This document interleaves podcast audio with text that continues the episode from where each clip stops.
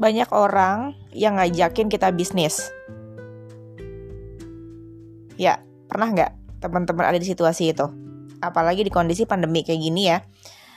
Si A ngajakin bisnis A, si B ngajakin bisnis B, si C ngajakin bisnis A misalnya. Apalagi ngelihat kita yang di mana kita tuh masih mencari mencari pekerjaan misalnya atau nyari nyari uh, nyari nyari usaha misalnya gitu ya terus teman-teman bingung dong ya kan aduh bisnis mana dong ya yang harus aku pilih nah saran dari saya itu adalah teman-teman pastikan bahwa bisnis yang uh, ditawarkan kepada teman-teman itu sesuai dengan sesuai dengan passionnya teman-teman gitu dan pelajari betul ya, pelajari betul bisnis yang ditawarkan oleh rekan kita.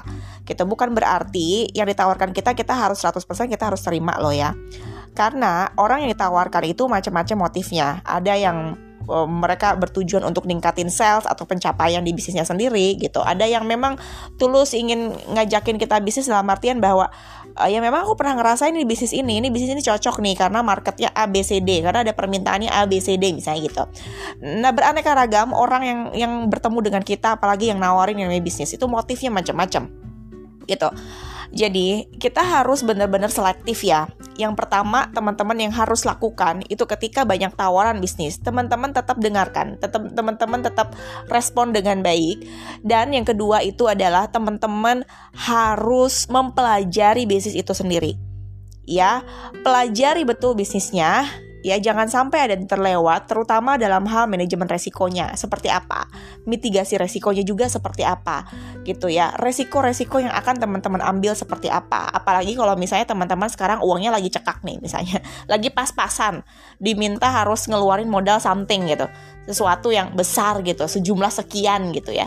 Nah, terus teman-teman harus mengorbankan banyak hal mulai dari uh, harus uh, apa namanya harus ngejualin uh, aset misalnya segala macamnya gitu dan di mana bagi teman-teman itu lebih lebih lebih uh, pada saat teman-teman lagi timbang-timbang ternyata uh, lebih oke okay kita pakai untuk kebutuhan primer misalnya daripada kita pakai untuk kebutuhan bisnis tersebut misalnya seperti itu. Jadi bisnis itu memang pas ya yang kita miliki di kondisi pandemi ini. Ini pas banget kita berbisnis karena masih ada kok orang-orang yang mau beli. Kita kalau misalnya nggak ada orang yang beli, tentunya perputaran ekonomi di Indonesia itu nggak bakalan hadir gitu, nggak bakalan ada. Pasti ada kok orang yang beli. Tapi permasalahannya itu adalah kita harus benar-benar selektif dalam memilih usaha ya jangan semua orang yang nawarin ke teman-teman usaha teman-teman terima semua tanpa kita seleksi betul gitu ya. Apalagi nawarin satu dua orang teman-teman langsung nerima. Enggak juga tetap harus melakukan seleksi dulu ya teman-teman. Seleksi bisa dilakukan dengan uh, menggunakan Google bisa juga uh, dengan bertanya kepada eh, orang-orang yang teman-teman percayai, bisa tanya kepada pakar-pakarnya gitu ya. Bisa juga uh, teman-teman apa namanya uh, coba investigasi gitu ya investigasi di bisnis tersebut seperti apa sih bagaimana gitu ya. Jangan sampai teman-teman malah terjebak.